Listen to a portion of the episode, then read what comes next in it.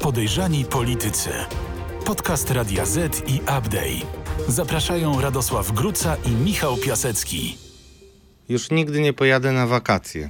Zacząłem się bać o swoje bezpieczeństwo i bezpieczeństwo mojej rodziny.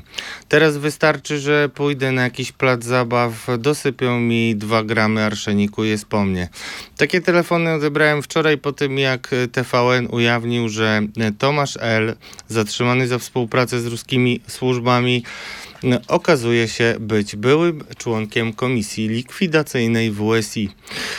Jacek Kurski ewakuuje się i leci do Stanów na zasłużone wakacje od polityki, ale oczywiście za poważną kasę. Będzie teraz bankowcem w Banku Światowym. O tym wszystkim porozmawiamy z Mariuszem Gierszewskim, dziennikarzem śledczym Radia Z i jednym z nominowanych do tytułu Dziennikarza Roku. Bardzo jest mi miło. Gratuluję Ci, Mariuszu. To powiedz jeszcze dwa zdania, żeby było jasne, za co dostajesz e, też nominację w kategorii news, bo e, dużo rozmawiamy o Danielu Obajtku i Orlenie, a okazuje się, że pierwszym, który świat poinformował o tym, że będziemy mieli wielką fuzję, jest pan lider afery Mariusz. Mariusz, powiedz e, o tym newsie dwa słowa i dlaczego to takie ważne i dlaczego to tak cię pochłonęło. To, było, to była informacja o tym, że w tym połączeniu Lotosu z Orlenem, e, a jak pamiętamy wtedy e, komisja postawiła warunki, że należy sprzedać część rafinerii i sprzedać część stacji benzynowych, że po drugiej stronie PKN Orlen sprzeda właśnie te aktywa dwóm firmom, Saudi Aramco i węgierskiemu MOL. Ja jako pierwszy powiedziałem o tym, że będą to dwie firmy, że jedna firma Saudi Aramco weźmie część rafinerii, a węgierski MOL weźmie część stacji benzynowych. To było o tyle ważne, że pokazywało z kim się rozmawia, z kim Daniel Obajtek rozmawia, z kim chce usiąść do stołu i podpisać te umowy. To było ważne o tyle, że mogliśmy zobaczyć, że po drugiej stronie będzie węgierski MOL, który ma liczne powiązania z Rosjanami i po drugiej stronie będzie i jest Saudi Aramco, które też ma liczne powiązania e, z rosyjskim biznesem. Rosjanie jeszcze w tej rozmowie i w naszym wydaniu specjalnym podejrzanych polityków ekstra wrócą, a my zaczniemy od kontrowersji tygodnia, czyli ujawnionego faktu współpracy Tomasza L. z rosyjskimi służbami i jego wcześniejszej kariery w dobrej zmianie. Kontrowersja tygodnia. Tomasz L. Pracownik Urzędu Stanu Cywilnego w Warszawie. Mm, był jednym z tych, e, był jedną z tych osób, które współpracowały e, z Rosjanami mm, najprawdopodobniej od kilku lat. To było ogłoszone e, przez rzecznika koordynatora służb specjalnych Stanisława Żaryna jako wielki sukces. Nie ukrywajmy, że to właśnie dlatego było mocno nagłośnione, że był to warszawski Urząd Stanu Cywilnego, w związku z czym była to wygodna broń, wygodna amunicja polityczna przeciwko Rafałowi Trzaskowskiemu, bo poszedł taki przekaz, patrzcie, ten Rafał Trzaskowski, prezydent Warszawy ma u siebie agenta. Powiedz mi y, na początku, ty już y, y, wcześniej informowałeś o tym, kim jest ten człowiek na łamach na antenie Radia Z. Co my o nim w ogóle wiemy i dlaczego to jest tak istotny, newralgiczny punkt, w którym znalazł się jako agent? To znaczy, wiesz co, ja popsułem trochę tę narrację swoimi informacjami, ponieważ... Nie pierwszy raz, no. Ponieważ wtedy w momencie zatrzymania Tomasza L. ja ujawniłem, że on mm, pracował w mieście od 19 lat, a został zatrudniony w 2003 roku w biurze prezydenta Lecha Kaczyńskiego. No właśnie to chyba popsuło trochę tą, tę narrację, o której mówiłeś. Mm, potem zostało w 2005 roku przeniesiony do Urzędu Stanu Cywilnego, czyli jeszcze zanim zaczął pracować w komisji e, likwidacyjnej WSI, a następnie został e, przeniesiony do Archiwum Ksiąg Stanu Cywilnego. E, no i to jest, brzmi to bardzo nudno, sama nazwa, ale to jest, jak powiedział Sewerski, nasz pisarz szpieg, y, kluczowe, bo to jest y, serce, skąd można wyciągać najbardziej kluczowe informacje dotyczące obywateli, a także e, służb specjalnych, a także funkcjonariuszy służb, służb specjalnych, ponieważ on tam miał dostęp do archiwum, do, czyli do PESELi, ale także miał dostęp do archiwum e, między innymi ludzi przyjeżdżających e, e, z Kresów, przyjeżdżających, przesiedlających się do Polski, a to jest właśnie zawsze opisywana wszędzie, w każdych podręcznikach i książkach sytuacja, kiedy obce służby lubią legalizować tutaj różnych swoich agentów. No właśnie, to nie tylko było serce systemu, ale także łono, na którym można było począć nawet agenta. Rozmawialiśmy z jednym z oficerów WSI, który który zbulwersowany po tym materiale skontaktował się i to właśnie mm, na początku Państwu y, cytowałem. E, I on też zwracał uwagę, że można tam plasować agentów ze względu na to, że no, masz takie informacje, że też po pierwsze możesz przygotować grunt na pojawienie się takiego człowieka, po drugie teoretycznie przynajmniej Marek Biernacki, były koordynator służb specjalnych, twierdzi, że trzeba zbadać, czy nie wrzucono tam jakiegoś tak zwanego nielegała. No, i y, ostatnia y, kwestia to to, że jak słusznie zauważyłeś, jeżeli on pracował wcześniej w Urzędzie Miasta Stanu Cywilnego, miał dostęp do danych, no, to te dane mogły się w pewien sposób nałożyć na to, czym się zajmował w komisji likwidacyjnej. I tutaj Państwu wyjaśnię na początek, wszyscy znamy komisję weryfikacyjną Antoniego Macierewicza, czyli ta komisja, która zlikwidowała służby, ujawniła nazwiska agentów. Wiele tam było nieprawidłowości w przygotowaniu tego dokumentu. Aneks do tego dokumentu nie został nigdy e, ujawniony decyzją Lecha Kaczyńskiego. E, to wszystko Państwo wiecie, ale mniej znaną mm, komisją prowadzoną przez e, pana Sławomira Cęckiewicza była komisja likwidacyjna, która zajmowała się różnymi budynkami, dobrami, nieruchomościami, ruchomymi rzeczami, ale także danymi steczek, archiwami i tak dalej. I wedle informacji, które podawał TVN24, pan Piotr Świerczek, kolejny wspaniały materiał, e, no, wynika z tego, że mm, no, był jeden komputer na całą komisję, do której mm, dostęp miał każdy. No, wygląda na to, że te procedury bezpieczeństwa były bardziej niż słabe. E, tutaj Piotr Świerczek także ujawnił, że często nie ewidencjonowano dostępu do materiałów, e, tak mówią jego informatorzy. No to by była kompletna katastrofa, bo w tej chwili nie moglibyśmy, czy nasze służby nie mogłyby do ogóle zbadać, jaka jest skala strat, czyli do czego miał dostęp e, rosyjski agent. Czyli kto jest spalony, tak można powiedzieć, tak? Bo tak można... naprawdę, jak rozmawialiśmy, przygotowując się do programu, to, to pytałem się Mariusza, a jakie informacje mógł przekazać? Drodzy Państwo, każde informacje, każdą, którą dysponował, mógł e, przekazać, a, a dostęp do informacji miał wielki. E, no to, to, co, to, co e, powiedział twój informator, oficer, były oficer służby, że jeżeli oni mieli dostęp do informacji dotyczących jego miejsca pobytu, zamieszkania, pobytu, zamieszkania jego rodziny, to znaczy, że obcy wywiad mógł sporządzić specjalną listę i w razie wojny i w razie wejścia tutaj do naszego kraju jest od razu lista tych, których należy odstrzelić e, z podaniem wszystkich adresów e, i, i członków ich rodzin. Można wysłać tam wojsko, można, jeśli by miało wejść, ale można też wysłać zabójców i zresztą to nie jest historia science fiction Gwiezdne Wojny, bo e, w nieco silniejszym państwie niż jest Polska, w Wielkiej Brytanii doszło innymi do próby zabójstwa byłego agenta GRU Skripala, e, do zabójstwa Litwinienki. To nie są rzeczy, które się nie dzieją na świecie, drodzy Państwo i oficerowie są autentycznie e, porażeni. Ty też mówiłeś w jednym z naszych poprzednich odcinków o takiej dziwnej sytuacji e, z Antonim Macierewiczem, który zaprosił oficerów, wręczał im nominację, przez co e, oficerowi mijali się z dziennikarzami, którzy tuż potem zostali zaproszeni na konferencję.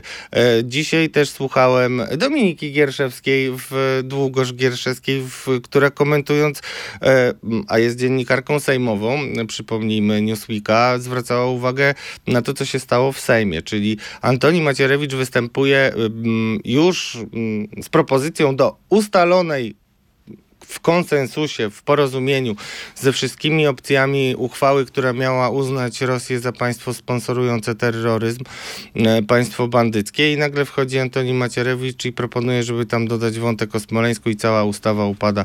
Ty jesteś dziennikarzem już 20 lat ponad yy, i powiedz mi... Yy, My chyba gdzieś jako media popełniliśmy błąd z tym Antonim Macierewiczem. Jeżeli wielu ludzi, którzy też pukali się w głowę, czy też byli sceptyczni wobec różnych informacji ujawnionych przez Tomasza Piątka, e, dzisiaj mówią, że za dużo tych kropek się łączy. To, słuchaj, ale jeżeli to my popełniliśmy błąd, to jeszcze większy błąd popełniły służby, tak? Bo y, mierzmy tutaj odpowiednią miarką. No my tylko relacjonujemy i, i to, co możemy, do czego możemy mieć dostęp, y, opisujemy ale ktoś ma władzę nad tym i ktoś ma dużo większą wiedzę i ktoś powinien decydować o tym wcześniej, czy ta czerwona lampka się zapala, czy się nie zapala. W tym wypadku trzeba powiedzieć, że yy, no ta. Hmm, znaczy, mogę Państwu powiedzieć, że ważny oficer wysoko postawiony w NATO mówił, że to był duży błąd, że wcześniej nie pilnowano Antoniego Macierewicza. Z kolei moi informatorzy z żandarmerii zwracali uwagę, że po tym, jak został ministrem obrony narodowej, za uważyli, że potrafi stosować techniki kontrobserwacyjne, czyli że potrafi gubić ogony, co było dla nich też zastanawiające. No szereg jest rzeczy bardzo budzących dużo wątpliwości. Powiedzmy jeszcze o tym pytaniu, na które nie mamy odpowiedzi i na które żądamy odpowiedzi jako opinia publiczna, czyli kwestia, kiedy dostał e, dostęp do tajemnic państwowych Tomasz L. Dlaczego to jest tak ważne? No to jest, to jest mega ważne, bo kto mu wydał ten dostęp do tajemnic, tak? To jest chyba kluczowe. Ty wiesz o tym jeszcze więcej. No wiem, bo tak jak y, relacjonowałem parę lat temu, w 2006 roku, w rządzie Jarosława Kaczyńskiego wiceministrem obrony narodowej był pan Jacek Kotas, nazwany przez Jana Śpiewaka rosyjskim łącznikiem. Potem zresztą Jan Śpiewak wygrał kilka procesów, gdzie próbowano uznać to za pomówienia, a nazwany został rosyjskim łącznikiem, ponieważ współpracował z ludźmi, którzy robili interesy w Rosji mm, i to takie interesy wielkie i to przez lata pracował. Zwraca też uwagę Radosław Sikorski, były szef MON, który jest w konflikcie z Antonim Macierewiczem, że dopóki Radosław Sikorski i Kazimierz Marcinkiewicz byli w rządzie, to Antoni Macierewicz jednak nie dostał tak szerokich plenipotencji. Dopiero kiedy Jarosław Kaczyński został premierem, to na swoją odpowiedzialność Antoniego Macierewicza uplasował. Co się powinno wydarzyć, powiedz mi, bo jak wczoraj do mnie zwracali się ludzie ze służb z obawami, no to pierwsze pierwsze, co im powiedziałem, powiedziałem, chyba powinno się jakieś specjalne posiedzenie Sejmu y, y, odbyć. Y, pamiętam posiedzenie Sejmu, kiedy mm, oskarżono marszałka Sejmu o agenturę, pan Milczanowski. To jest tego typu ranga problemu, bym powiedział. Ale oczywiście to się nie wydarzy, bo jak widzę, kiedy politycy opozycji prowadzą konferencje na ten temat, to rząd szybko robi konferencję o węglu. Jak ty uważasz, co się powinno wydarzyć? A jesteśmy coraz bliżej podjęcia takiej decyzji o tak zwanej opcji zerowej. To znaczy, może nie podjęcia decyzji, tylko naciskania na, podję- taka, na, na tak, no. konieczności podjęcia. Czyli nie da już, już się w tej chwili oddzielić tego e, ziarna od plew. Nie wiadomo, kto e, jest czysty, a kto nie jest czysty. Nie wiadomo, o kim Rosjanie wiedzą i co wiedzą. W związku z tym e, nasze służby myślę, że są w tej chwili rozebrane na części pierwsze przez Rosjan analitycznie. W związku z tym jedyne, co może być niedługo, to będziemy musieli po prostu je wszystkie rozwiązać i założyć na nowo. I to trudno sobie, drodzy Państwo, wyobrazić, a jeszcze powiedzmy, że dopiero co w czasie wojny mieliśmy dymisję szefa wywiadu, pana e, Piotra Krawczyka, e, dymisję, odejście. Mieliśmy odejście szefa służby kontrwywiadu wojskowego który poszedł do KGHM-u, który też tutaj mm, powinien się za chwilkę pojawić jako ciekawy e, podmiot, no to jest e, katastrofa. Znaczy nie, nie straszymy, tylko no, jakby diagnozujemy sytuację. Nasze służby są spenetrowane w takim pornograficznym znaczeniu, nawet bym powiedział. Jeszcze jedna rzecz, która mi przyszła w tej chwili do głowy, przypomniałem sobie. E, jeżeli chodzi o masę koincydencji, masę różnych dziwnych zdarzeń.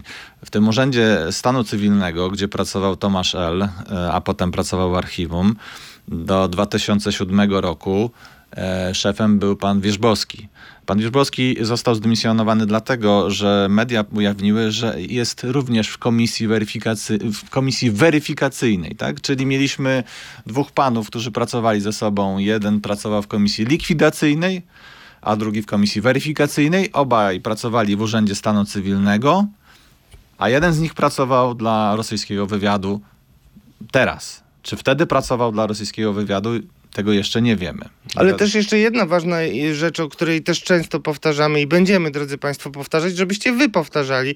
Mianowicie jakby problem jest też komunikacyjny, bo widać wyraźnie, że z jednej strony wychodzi rzecznik e, ministra koordynatora do spraw służb specjalnych i mówi, to była bardzo poważna sprawa, bardzo niebezpieczna współpraca i tak dalej, i tak dalej, ale nikt już nie mówi, że to był człowiek, który był no, w jądrze y, działania służb, więc y, widać wyraźnie, że y, no, Zatuszowano. Że to- Zatuszowano, no, zatuszowano tę przemilczano, sprawę, więc tak. w związku z tym teraz, jeżeli władza chce być transparentna i nie słuchać y, skandowania na sali sejmowej ruski agent y, pod adresem Macierewicza, tutaj mówię o tym ostatnim posiedzeniu, no to powinna przynajmniej jakąś białą księgę odnośnie Tomasza L. mm, e, ujawnić, przynajmniej jeśli chodzi o to, gdzie pracował. Także mm, będziemy tego na pewno oczekiwać. Jeżeli już mówimy o zbrojeniówce, to jeszcze y, y, przypomnijmy, to, to jest dość ciekawe, bo pojawiła się informacja y, w dzienniku Gazecie Prawnej, że no, już w zasadzie powszechnie wiadomo, że nie ma pieniędzy w budżecie. Zakupy są wielkie. Dopiero co minister obrony narodowej Mariusz Błaszczak witał kolejne sprzęty koreańskie, y, a pieniędzy nie ma. Y, Była informacja, że mogą się tutaj włączyć spółki Skarbu Państwa. Jak już mówiliśmy, KGHM przeszedł trochę pod skrzydła Mariusza Błaszczaka. Zmiana prezesa Chludzińskiego na Tomasza Zdzikota, który był najpierw w Ministerstwie Obrony Narodowej, potem specjalny odcinek Poczta, teraz w KGHM-ie. Yy, I co, miedź będzie nam finansować ciężki sprzęt wojskowy?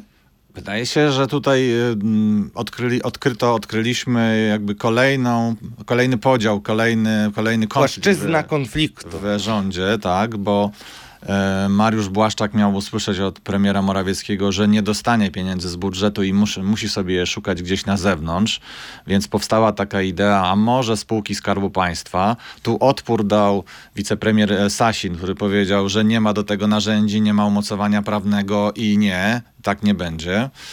E, Ale to ja dobrze Błaszczak- rozumiem, że taka minka została przerzucona, tak, kartofelek? rzuco- Rzucono, tak. To, to jest ta zabawa w, w, gorący, w gorącego kartofla jest bardzo po- popularna w tym rządzie. Więc e, teraz, teraz Błaszczak zaczyna się zastanawiać, gdzie znaleźć te pieniądze. No podobno wysłannicy jego jeżdżą po całym świecie, szukają kraju, gdzie są niskie stopy procentowe, Japonia, Korea, może tam, a może w jakimś banku hiszpańskim.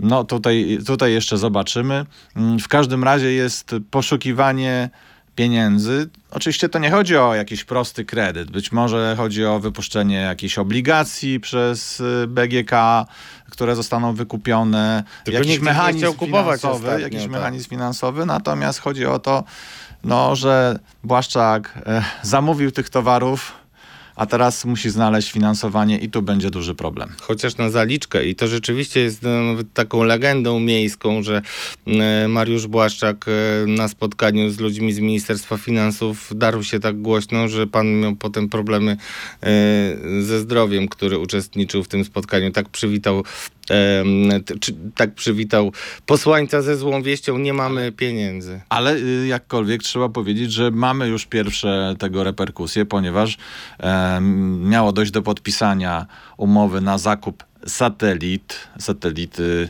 e, który pracowałby dla naszego wojska i to od Francuzów i to zostało w ostatnim momencie odłożone. Nie wiadomo, czy z jakichś względów innych, czy właśnie z, z powodu tego, że nie ma na razie finansowania na ten zakup, a to chodzi też o grube miliardy. Grube miliardy i dlatego też, drodzy Państwo, y, ewidentnie te zakupy spowodowały, że dzisiaj y, rząd jest dużo bardziej miękki w rozmowach y, z Unią Europejską, bo liczy na te pieniądze. To trzeba też to wiązać, że właśnie te zakupy zbrojenia decydują o polityce. Ale jeszcze jedną rzecz chciałbym, żebyś jasno powiedział. Rozumiem, że nie ma takiej możliwości, że nam KGHM czy Orlen nagle, tak jak Orlen, jak trzeba było, to kupił Polska Press i teraz mamy Orlen Press, to może będzie jakieś Orlen Army?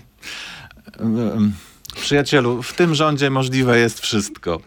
Ale na razie informacje, które do nas chodzą, dochodzą, mówią o tym, że wicepremier Sasin i jego MAP mówią, że pieniędzy spółki nie będą dawać na zbrojenia. I może dobrze. Drodzy Państwo, nagadałem się, to była kontrowersja tygodnia. Na pewno będziemy do tego tematu jeszcze e, wracać, ale teraz wydarzenie tygodnia, którym nagle nieoczekiwanie okazuje się być kolejny news Mariusza Wierszewskiego.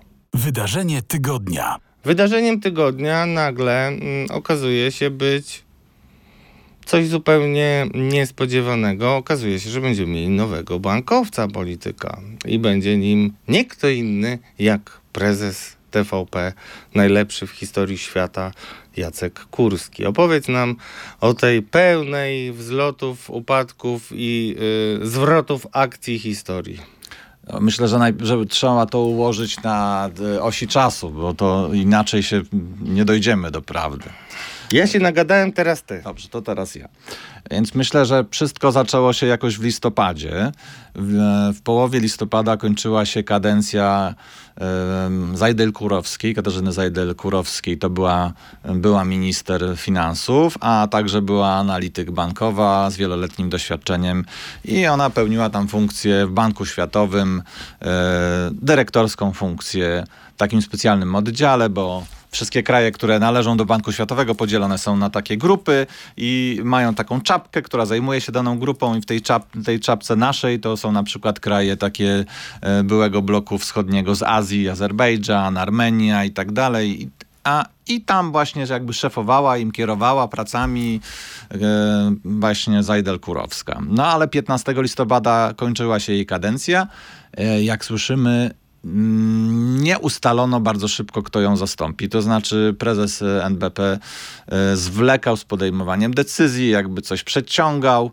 Prezes Glapiński, Prezes ten Glapiński, sam, którego tak. TVP gloryfikowało jako wybitnego człowieka, który broni nas przed euro niemieckim, który no jest w ogóle jaszczębiem. Hmm. Tak. No i e, jakby to jest pierwszy punkt na osi czasu i wiemy, że w tym, w tym momencie bezrobotnym jest też Jacek Kurski ale od jakiegoś tygodnia czy półtora zaczęły dochodzić do nas informacje, że jednak jest już bardzo blisko wejścia do rządu, że przedstawiono mu konkretną propozycję, żeby zajął się czymś quasi ministerstwem cyfryzacji, ale tak naprawdę, żeby podlegały mu wszystkie media publiczne, czyli żeby mógł prowadzić wspaniale kampanię wyborczą w przyszłym roku i docisnąć, co trzeba docisnąć, ale także, żeby przeprowadził aukcję sprzedaży LTE, która jest już dawno odłożona w czasie, nie odbyła się, a są do zarobienia naprawdę duże pieniądze. I to były takie dwa zadania, które miano przed nim postawić i właściwie to nawet e, od jednego z ministrów usłyszałem, że to się miało zdarzyć lada dzień. W tym czy przyszłym tygodniu miał już e, Kurski wejść do rządu.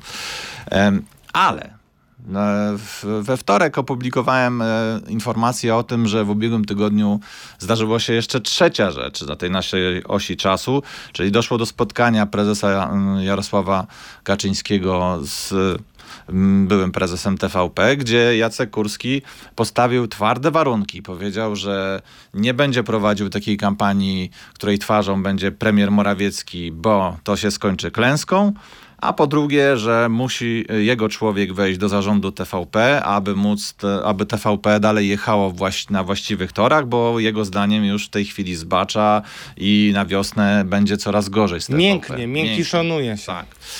No oczywiście y, Jarosław Kaczyński nie zgodził się na te warunki, no bo przecież Jarosławowi Kaczyńskiemu nie można stawiać żadnych warunków. W związku z tym Jacek Kurski miał odmówić y, tym propozycjom rządowym i zapytać się, czy może w takim razie szukać gdzieś pracy e, poza polityką. I to był właśnie mój wtorkowy news, że ma szukać pracy poza polityką i nie będzie prowadził kampanii wyborczej. No ale jak się okazało, już w poniedziałek, okazało się to wczoraj, jak już w poniedziałek Jacek Kurski e, brał udział w pierwszym posiedzeniu e, tej grupy Banku Światowego, gdzie, gdzie został zatrudniony. Czyli moi informatorzy e, albo tego nie wiedzieli, a właśnie podobno Jacek Kurski nie podzielił się tym, tą informacją z nikim i w PiSie było dużo zaskoczenie, że idzie do, do Banku Światowego. No ale w każdym razie moi informatorzy albo tego nie wiedzieli, albo specjalnie to jakoś przede mną jeszcze ukrywali. No, w każdym razie wszystko okazało się e, w środę, kiedy e, komunikat wypuścił NBP, bo myślę, że takie są zasady funkcjonowania. To wymusił na tym Bank Światowy, że trzeba już o tym poinformować i poinformował o tym e, ten sam Jacek Kurski. No i cała sprawa wybuchła. No i mamy teraz takie te punkty zdarzeń, o których wiemy, no i do tego musimy przyłożyć jakąś interpretację, więc... To ja ci jeszcze jeden dorzucę punkcik i to dorzucę ci punkcik z naszego podcastu, bo y, po pierwsze potwierdzam absolutnie twoje y, informacje o tym, że w zasadzie było klepnięte i to wbrew Mateuszowi Morawieckiemu, to tutaj ja podbijam stawkę. Mateusz Morawiecki bronił się rękami i nogami, ale y, w pewnym momencie usłyszałem, że kapituluje, że już nie ma mocy, czyli że ktoś mu musiał wsadzać tego Jacka Kurskiego. Jeszcze jedna, y, to zostawiam mm, do, powiedzmy, zawieszam. Taka ciekawa sytuacja, że jednak ten pomysł na narrację, żeby patrioty postawić na Ukrainie, który jest pomysłem jakby godzącym w Niemcy i tam sugerującym, trochę mi pachnie Jackiem Kurskim. Ja nie wiem, czy to przypadkiem on nie maczał w tym e, palców, ale mm, a wiadomo, że skończyło się to kiepsko. E, ja nie mówię, że tak było, natomiast to mi pachnie na pewno narracją Jacka Kurskiego. No i e, te wszystkie problemy, o których mówiłem wcześniej, mianowicie Jacek Kurski był oskarżany przez no, swoich wrogów o to, że atakuje rodzinę prezesa, ponieważ pojawiły się informacje na temat pani Beaty Fido. To jest aktorka, która jednocześnie jest partnerką Jana Marii Tomaszewskiego, który jest bratem w zasadzie, mówi się o nim brat e, e, bliźniaków e, Lecha i Jarosława Kaczyńskich. I to miało być takim poważnym wątkiem, aczkolwiek też nieprawidłowości w telewizji mogą się na tym kłaść. Czy to jest koniec politycznej kariery Jacka Kurskiego? Jacek Kurski jeszcze pewnie wróci, bo przecież to jest zwierzę polityczne. Natomiast, yy, natomiast chciałem ja w, odpowie- opowiedzieć o tych swoich teoriach, które mm, jakby miałyby tłumaczyć te, te, te, wszystkie zdarzenia na osi czasu. Tak? Mam dwie zupełnie sprzeczne teorie, do żadnej się nie przywiązuję do końca.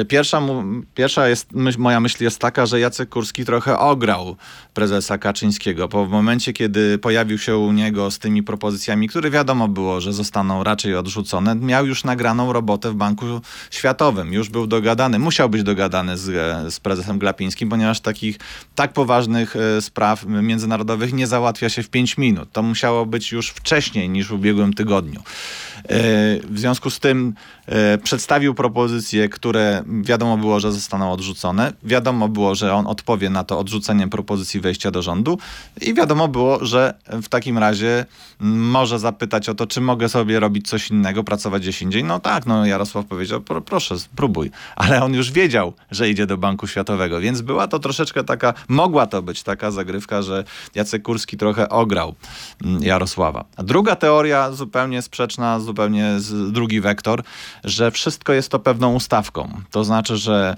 e, Prawo i Sprawiedliwość, e, a właściwie Jarosław Kaczyński chce przegrać te wybory, więc y, chcę, ale żeby tak, żeby nie było widać, że, że chciał, żeby przegrać te wybory. W związku z tym najważniejszy strateg, jakim jest Jacek Kurski, nagle zostaje odsunięty na boczny tor, nagle dostaje jakąś synekurę, nagle wyjeżdża sobie z kraju, żeby gdzieś być na tych wakacjach, na tych bankowych wakacjach. Yy, twarzą E, wyborów, twarzą całej kampanii będzie Mateusz Morawiecki, o którym Jacek Kurski mówi, że doprowadzi do katastrofy.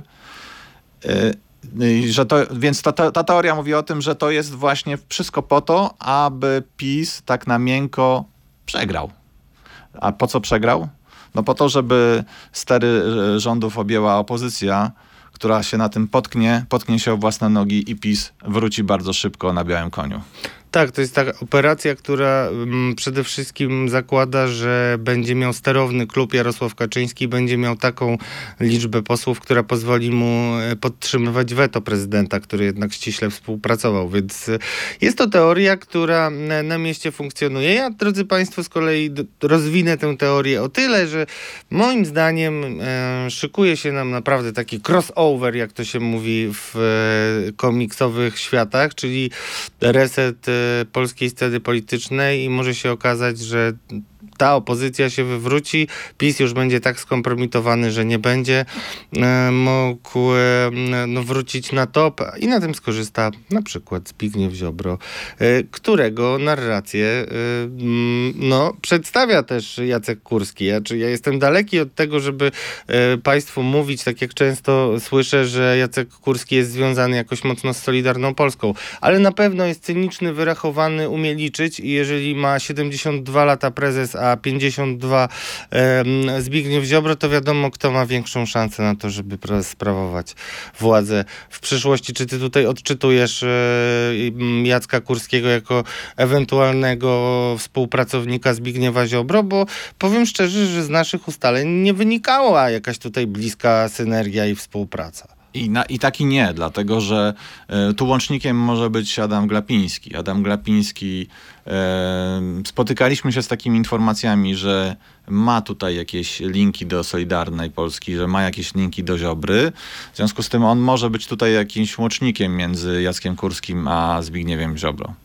Jest jeszcze taka teoria, drodzy Państwo, którą potwierdził mm, poniedziałkowy news Onetu. W zeszłym tygodniu mówiłem o tym, że Solidarna Polska kusi bardzo Beatę Szydło i nagle się okazało, kusi do tego, żeby przystąpiła do nich, to by znaczyło, że no, mamy poważny e, rozłam na prawicy i w poniedziałek się nagle pojawił news, że Beata Szydło oczekuje od prezesa, że wystawi ją w wyborach prezydenckich. To jest takie szachowanie. Y, Myślisz, że y, jakby to jest, y, że tutaj się tworzy nam jakieś takie jądro? No tutaj należy też dodać do tego jądra Daniela Obajtka, który po pierwsze no, jest już osobą sławną, po drugie na pewno majętną.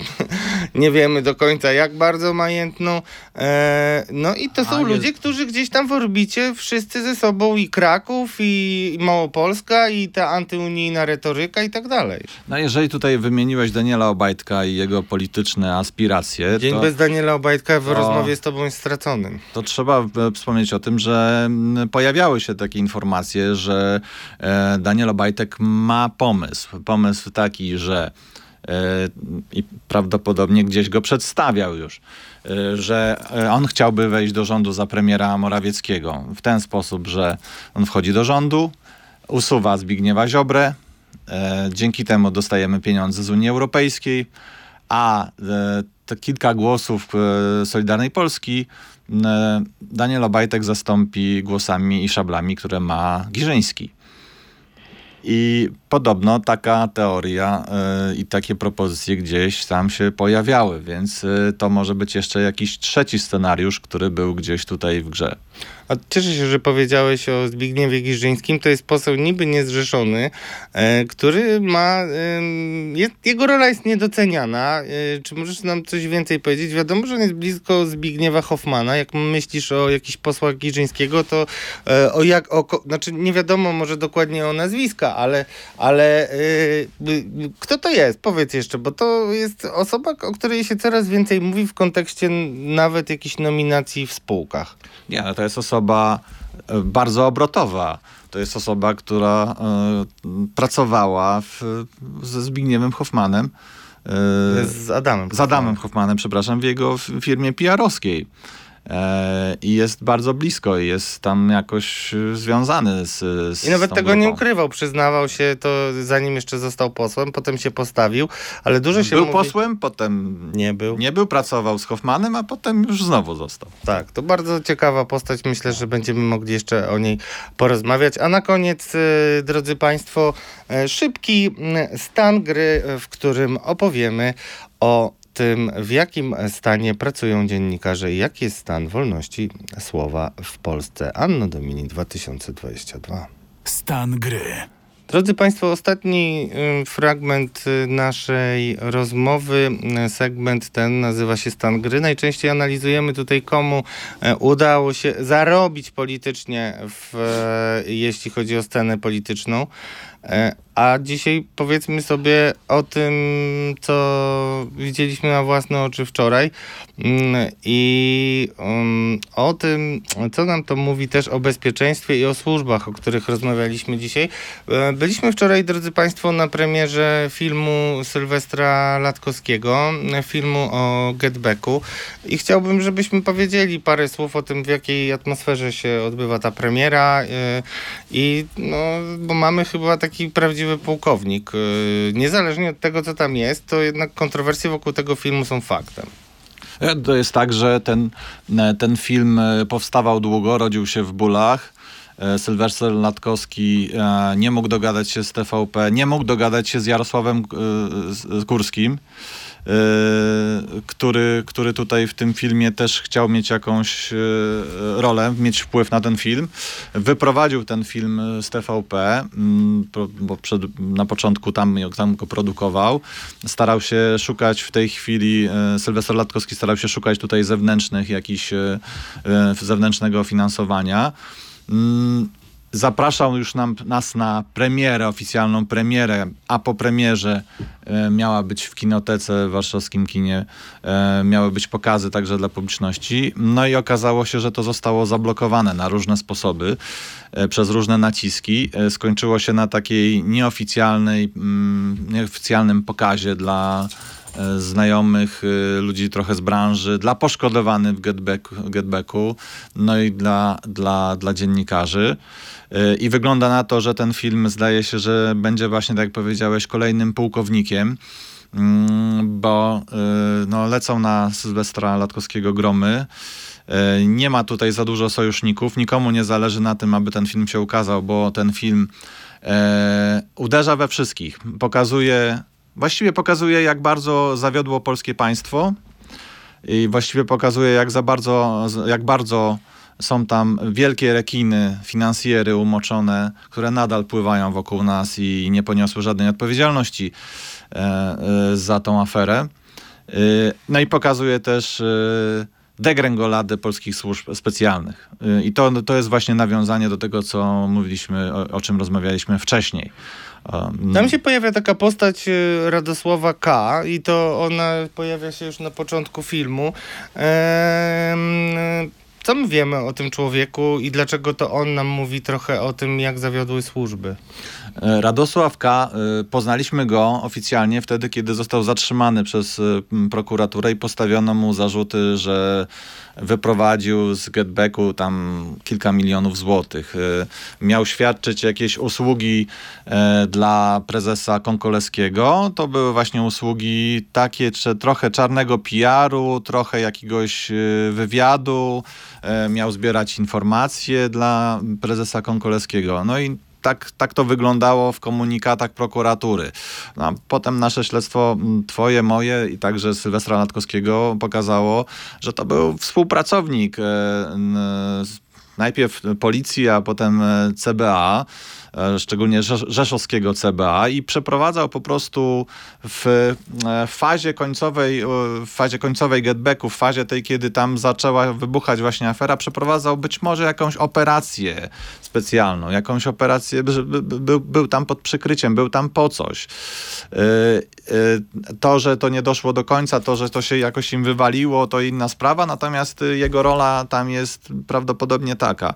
Mm, a na wynika z tego filmu, że e, e, odcięto się od niego, pozostawiono go samemu sobie, wsadzono go do aresztu, postawiono mu zarzuty, e, a, a operacja sama, którą on wykonywał w Getbacku skończyła się chyba niczym. To jest ważne, żeby powiedzieć Sylwester Latkowski, do którego mam sporo zastrzeżeń i zawsze to mówię między innymi za aferę taśmową, także za film o pedofilii, ale tak czy inaczej, nawet jak się nie zgadzam, to w myśl wolterowskiej zasady umrę za to, żebyś mógł głosić swoje poglądy, także e, jeśli nie będziesz dezinformował y, po radziecku, rosyjsku, to możesz na mnie liczyć i dlatego o tym też mówimy. Jedna rzecz jeszcze, tam się pojawia taka też łzawa historia pani, która mm, miała nagrywać ważnych y, polityków, y, znaczy ważnych ludzi związanych z Mateuszem Morawieckim. To jest trochę tak przedstawione, jakby tutaj była znowu love story z agentem CBA, który uwiódł dziewczynę, żeby zbierała dla niego informacje. No to w ogóle to jakiś taki trudny wątek do rozeznania, ale tam się pojawia dowód na to, że byli inspirowani przez oficerów i współpracowników służb ludzie do tego, żeby nagrywać polityków i bliskich ludzi z otoczenia poszczególnych polityków, których frakcję może e, chcieć zwalczać na przykład Zbigniew Ziobro, I tak? Morawieckiego. Tak, to to tak. pada w tym filmie, że e, w trakcie już śledztwa wokół Get Back e, starano się tak nakierować e, te osoby podejrzane, żeby składały jakieś e, zeznania, żeby ujawniały informacje o Morawieckim i o otoczeniu Morawieckiego. E, Zresztą właśnie w tej sprawie e, Get Back e, pojawia się niejaki pan Koczoruk, e, który był mm, dobrym... Kaczoruk. Kaczoruk, przepraszam, był znajomym przyjacielem ojca premiera Morawieckiego. Z czasów Solidarności Walczącej. I, I on tam jest, y, pojawia się też w tym, w, tym, w tym filmie i inscenizacja z jednej z nagranych rozmów e, z nim. E, No w każdym razie z tego filmu wynika, że w tym śledztwie wokół Getbacku był taki wątek, że e, ktoś, służby specjalne próbowały zasać jakieś informacje, czy pozyskać jakieś informacje o premierze Morawieckim. No właśnie, to jest chyba najważniejszy, yy, najważniejsze ustalenie, aczkolwiek jeszcze jedna ważna rzecz, którą sam powiedział yy, Sylwester Latkowski, dlatego ja będę to podkreślał. Sylwester Latkowski zrobił film o Amber Gold, yy, która miała być według narracji obecnej władzy największą aferą PO, tam nie wiadomo jakie pieniądze. Okazuje się, że to jest pikuś przy, e, przy Getbacku. Sam Sylwester Latkowski mówi, że to jest dużo większa afera i pamiętajmy o tym, drodzy Państwo, że zarzutem w stosunku do służb e, czasów Platformy było to, że nie zareagowała wcześniej, widząc, że Amber Gold jest, przek- e, Amber Gold jest przekrętem. Przez to ludzie stracili pieniądze. A w Getback e, służby były w tym przekręcie, czy tam brały udział, czy wiedziały o nim, i, a mimo to nie, nie, nie, nie zatrzymały e, tego przekrętu. Tak? No i, i ludzie na tym stracili pieniądze. Zresztą ci ludzie byli e, w, wczoraj też na filmie poszkodowani. Między innymi rozmawiałem z panią, która e, była córką człowieka, który też zresztą występuje, rysownika, normalnego Polaka, zjadacza chleba, takiego jak my, żadnego Artysty. milionera, artysty. Artyści nie mają wcale kokosów w, w większości. I on nie doczekał nawet premiery, zmarł i nie doczekał się żadnego zadośćuczynienia, nawet nie ukarano żadnych e, winnych i nie wiadomo kto jest winny. E, Co, no, co to nam mówi jeszcze o wolności słowa? Bo ja jeszcze raz podkreślę, s- Sylwestrze, wielokrotnie się odcinałem od wielu twoich e, działań, ale e, no ta historia ym, i ci informatorzy no pokazuje, że państwo kompletnie zawiodło i, i oczywiście przykre jest też to, że film był zlecony przez TVP, to też powiedzmy. Były zajawki już nawet tego filmu e, w telewizji polskiej. Sylwester Latkowski był dopieszczany, teraz jest odtrącony e, zupełnie i też słyszymy, że między innymi Jackowi Kurskiemu co nawiąże do naszego newsa, zależało na tym, żeby tam nie było w tym filmie za dużo o ludziach, którzy są związani z Adamem Glapińskim, więc widzicie... I ze Zbigniewem Ziobro. i ze Zbigniewem Ziobro, więc widzicie doskonale Państwo, że warto e, czasami zawczasu już zadbać o to, żeby mm, ktoś nam mógł przysługę w postaci dobrej fuchy załatwić. Myślę, że po prostu nieważne, e, czy Sylwester Latkowski dotarł do e, całej prawdy, czy tylko odkrywa fragment tej prawdy. Ważne, żeby nie blokować, y, żeby mógł pokazywać to, co odsłonił, żeby mógł pokazywać ten film, że blokowanie tego jest tylko na rękę tym osobom, które są bezkarne w aferze Get Back. No i warto sobie z tego wyciągnąć wnioski. Na koniec w tym stanie gry, mm, Mariusz, ty nie jesteś fanem futbolu, nie mieliśmy o tym rozmawiać, ale ponieważ jesteś moim tutaj wzorem, bo ja mm, z trudem pokonuję obrzydzenie do samego siebie, nie jestem w stanie przystąpić do bojkotu e, katarskich mistrzostw świata. Ja bojkotuję i nie Ty oglądam. Bojkotujesz i jesteś dzielny. E, Ja nie, przepraszam. E, 30 milionów. Tak, z kapelusza premier przychodzi do piłkarzy i mówi: No, będzie dobrze, będą pieniążki. Co ty w ogóle o tym myślisz? Ale przede wszystkim chciałem, żebyś już ci podpowiem. Co to mówi w ogóle o premierze i o naszym rządzie, który tak sobie przychodzi i rzuca z kapelusza jakąś kwotę ludziom przecież wcale nie biednym, jakimi są piłkarzami. Ja powiem jako fan Chorwacji i też kroatysta, że e, Chorwaci w ogóle nie biorą żadnych pieniędzy. E, To jest Luka Modricia, Luk, Luki Modricia. Zastrzeżenie, oni nie biorą e, żadnych pieniędzy, bo to jest chwała po prostu, że reprezentujesz e, swój kraj. Ja myślę, że tutaj pokazuje słabość premiera, który em, ulegał jakimś podszeptom albo jakimś podpowiedziom. Można by na przykład zapytać Mariusza Chłopika, e, czy przypadkiem to nie był jego pomysł. Nie wiem tego, tylko tak No, rzucam, Mariusz Chłopik ale przy Mariusz, futbolu jest a blisko. Ma- Mariusz Chłopik był blisko przy futbolu i był też y, tam doradcą, szeptał do ucha premiera wiele, wielokrotnie przez długi czas. Może to był jego pomysł. Być może że to było też tak, że premier y, rzucał jakieś propozycje, ktoś mówił świetne, ktoś mówił, potem się okazywało, że nieświetne i Nowogrodzka powiedziała nie, tutaj powiedział ktoś tak, ale w każdym razie miotał się. No i to widać właśnie po tych, w tej całej sprawie.